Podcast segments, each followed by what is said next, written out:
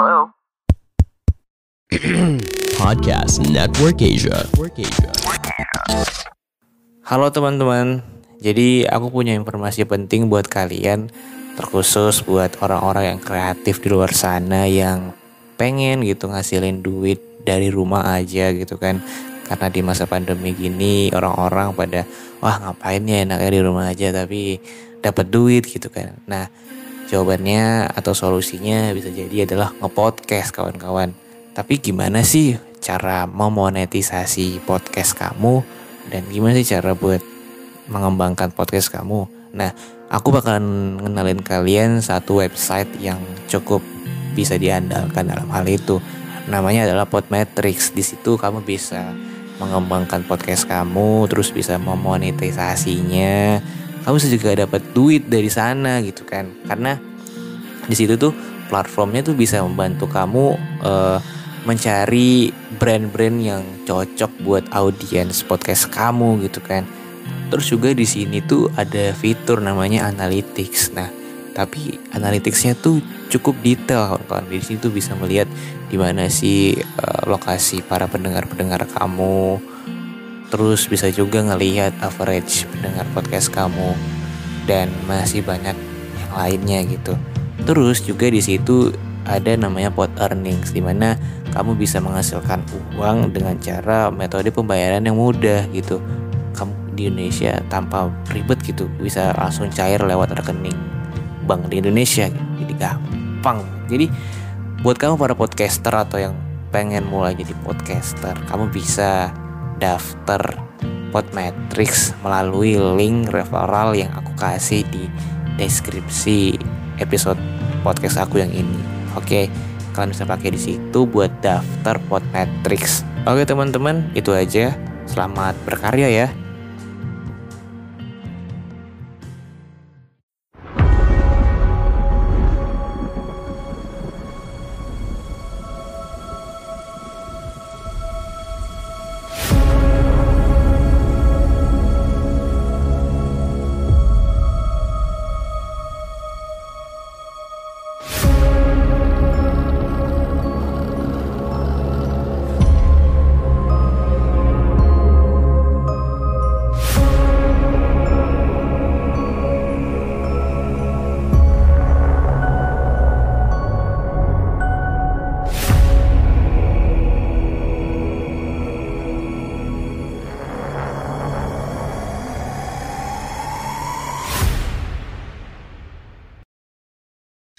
Hai, ini aku Iksan. Kalian tahu gak sih faktanya uh, kebiasaan kita di saat kita kecil itu tuh dapat mempengaruhi kebiasaan kita di usia dewasa seperti sekarang. Let's say uh, dulu aku SD, SMP, TK bahkan itu tuh udah kayak dijadiin habit sebuah habit gitu. Buat sarapan di rumah minum susu di rumah dan ya at least dibawain bekal sama mamaku. Dan itu kayak jadi sebuah kebiasaan aku kan dari kecil buat sarapan terus minum susu kayak kalau misalnya nggak sarapan tuh atau nggak minum susu tuh kayak ada yang kurang gitu. Terus bukan masalah kayak ada yang kurang juga. Masalah itu ya di mamaku juga. Ntar dia malah ngomel-ngomel kan kan gak enak gitu. Ngomel-ngomel di rumah ngomel-ngomel ntar di sekolah jadi bad mood kan ya udahlah. Ikutin aja selama tujuannya baik ya kan dan itu jadi kayak sebuah kebiasaan gitu ke terbawa ke usia dewasa seperti sekarang. Yang mungkin banyak orang di luar sana yang terbiasa tanpa yang namanya sarapan ya. Aku punya teman jadi dia cerita sama aku kalau dia itu memang nggak terbiasa sarapan. Jadi dia setiap sarapan sakit perut kayak ya sakit perut gimana sih? Kayak gitu. Terus jadi dia kayak nggak bisa makan berat gitu. Cuma kayak minum eh kok minum teh doang atau apa gitu. Ya balik lagi kebiasaan gitu kan. Kalau aku malah kalau nggak sarapan malah sakit perut kebalik gitu. Oke okay, anyway ngomongin tentang bekal ke sekolah bekal makanan. Kali ini treat malam ini ngomongin tentang bekal juga. Tapi bekal kali ini sedikit horor dan mistis. Karena bekal ini bukan dari mama bukan dari orang tua tercinta tapi bekal ini dari genduruwo do you know genduruwo ya salah satu legenda mistis di Indonesia selain pocong dan kuntilanak. Dan kabarnya genderuwo ini wujudnya gede hitam. Dan sampai sekarang aku nggak tahu jenis kelaminnya apa. Kayak dari kecil tuh diceritain genderuwo tuh hitam besar badannya dan biasanya keluar kalau lagi mau maghrib itu sih informasi yang aku dapatkan dari orang tuaku dan dari orang-orang yang lebih tua dariku. Oke, okay. hmm, kita tadi bahasan bahas tentang bekal ya atau titipan. Ini tweet dari akun Twitter @imam mu u-nya double yang berjudul titipan genduruwo ya kalau titipan dari mama biasanya mie goreng nugget sosis nasi goreng dan lain-lain. Kalau titipan genderuwo ini apa ya biasanya? Ya, mari kita baca treatnya lebih lengkap dan lebih detail. Selamat mendengarkan kawan-kawan. Jangan lupa buat share ke temannya dan follow podcast ini. Buat yang belum follow. Oh iya tolong dong di share ke sosial media. Oke, okay, kita mulai. Kejadian ini waktu aku masih kelas 4 SD. Di sore hari seperti biasa, kami bermain bola di sawah kering yang sudah kami sulap jadi lapangan bola. Seperti biasa, permainan selalu asik sampai azan maghrib berkumandang menandakan berakhirnya pertandingan bola yang sudah entah berapa banyak jumlah gol yang kami buat. Sampai di rumah, aku langsung cepat-cepat mandi karena sudah tidak tahan dengan gatal yang terus berasa di badan. Selesai mandi, badanku panas dingin dan aku putuskan untuk tidur saja. Tapi ada yang aneh dengan tingkah lakuku. Aku memilih tidur di sudut dinding ruang tamu dan itu aku lakukan tanpa sadar. Ibuku yang melihat hal tersebut mengira aku ketiduran saat main robot-robotan dan memindahkan aku ke dalam kamar. Pada waktu itu mungkin ada empat atau lima hari aku seperti tidak sadar. Ada beberapa kali sadar, itu pun karena muntah-muntah. Di saat aku tidak sadar, aku sering mengalami hal-hal aneh. Mimpi atau tidak, aku tidak tahu. Karena saat itu aku memang dalam keadaan tidak sadar. Aku sering mendengar ketukan pintu yang kuat seolah-olah orang yang berada di balik pintu ingin mendobrak pintu rumahku. Tetapi ketika aku lihat, kosong. Tidak ada orang. Itu sering terjadi tidak hanya malam, Siang hari pun seperti itu. Namun, di hari selanjutnya, ketukan pintu itu muncul lagi. Dan aku tetap membukanya karena aku mengira itu orang yang ingin membeli batu es. Karena waktu itu ibuku jualan batu es.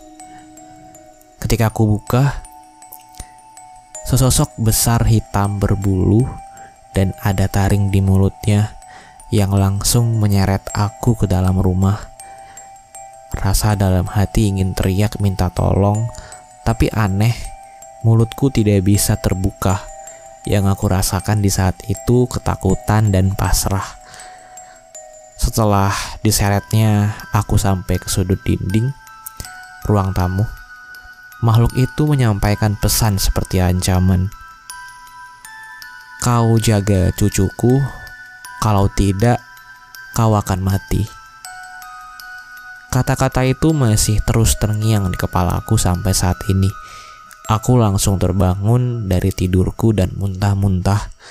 Setelah itu, aku merasa seperti tidak sadar lagi. Hal-hal aneh yang terus aku alami tidak seperti biasanya. Aku seperti terombang-ambing di alam antah berantah. Menurut ibuku yang melihat tingkah anehku, aku tidur hanya di malam hari seperti biasanya. Pagi sampai sebelum maghrib aku duduk termenung di sudut dinding ruang tamu. Melihat ada yang aneh, ibuku berinisiatif untuk membawaku ke orang tua.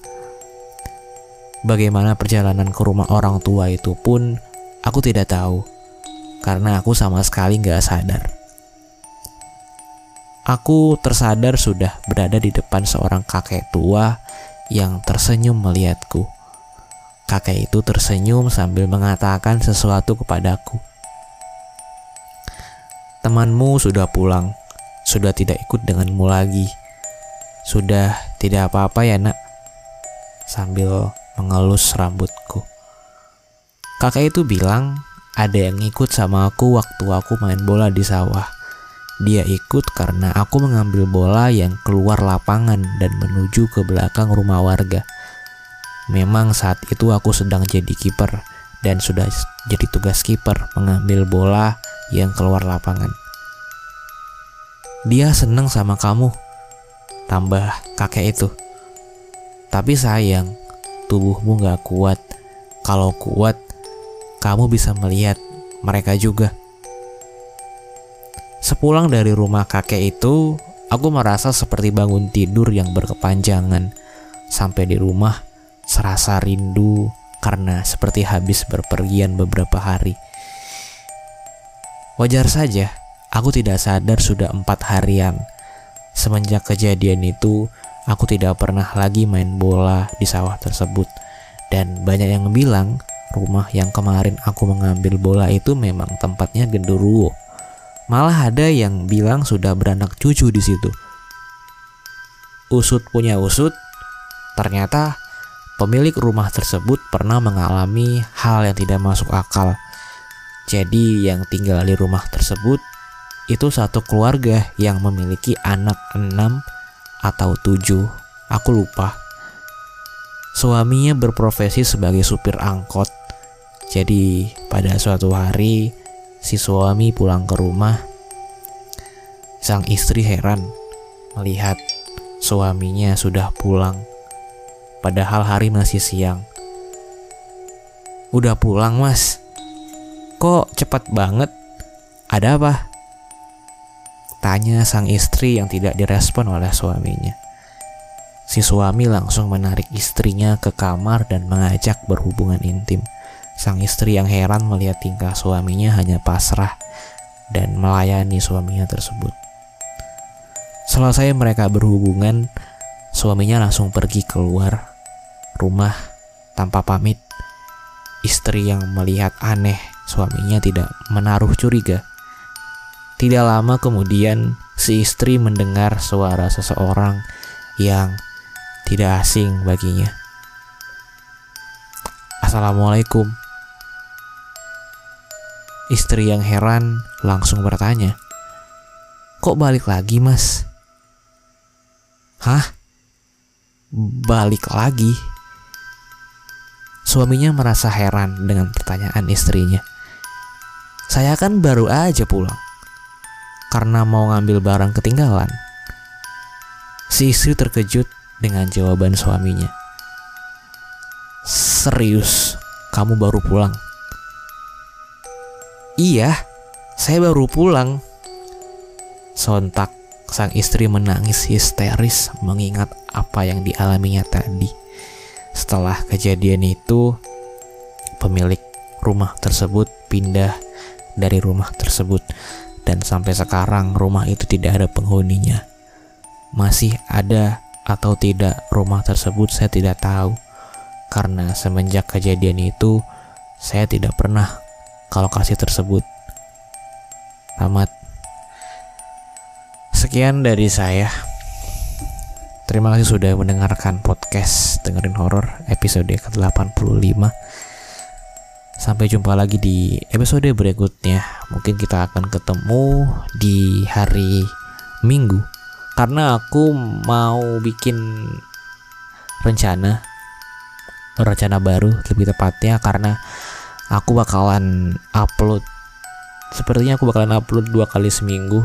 Setiap hari Kamis dan hari Minggu kawan-kawan. Jam 7 malam. Semoga waktuku bisa lebih sinkron buat upload dua kali seminggu ya kawan-kawan. Terima kasih itu aja dari aku Iksan. Terima kasih yang sudah share buat yang sudah share buat yang sudah dengerin sampai selesai sampai jumpa lagi bye bye Pandangan dan opini yang disampaikan oleh kreator podcast, host, dan tamu tidak mencerminkan kebijakan resmi dan bagian dari podcast Network Asia. Setiap konten yang disampaikan mereka di dalam podcast adalah opini mereka sendiri dan tidak bermaksud untuk merugikan agama, grup etnik, perkumpulan, organisasi, perusahaan, perorangan, atau siapa pun dan apa pun.